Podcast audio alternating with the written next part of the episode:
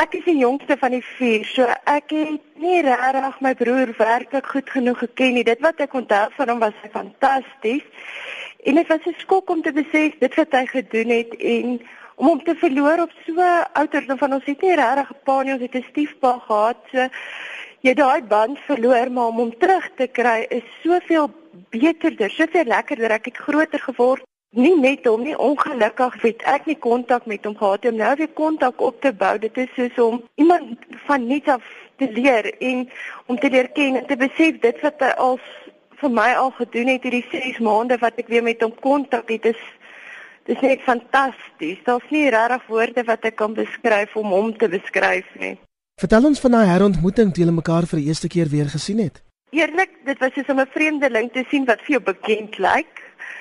Want hy het baie verander in 19 jaar. Hy was 18 en was sy skoolseun. En hy's 'n groot man. Ek wil hom nog insien as my ou boet van 2018 is en nou sy amper 40. Dis erg om te sê die tronk het hom eintlik 'n beter mens gemaak. Het hy ooit vir jou gesê wat hom as 'n 18-jarige gedryf het om daai bom op Woester te plant?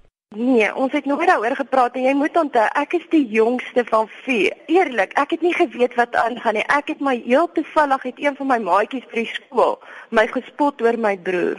Toe vind ek op daai harde manier uit wat my broer mee besig was of wat het hy gedoen.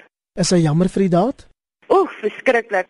Hy wys dit dalk nie elke dag vir almal nie, maar dis hy wat in die nag wakker lê en die mense se gille en skree hoor en hulle uitroep na die Here. Dit is hy hoor dit elke dag.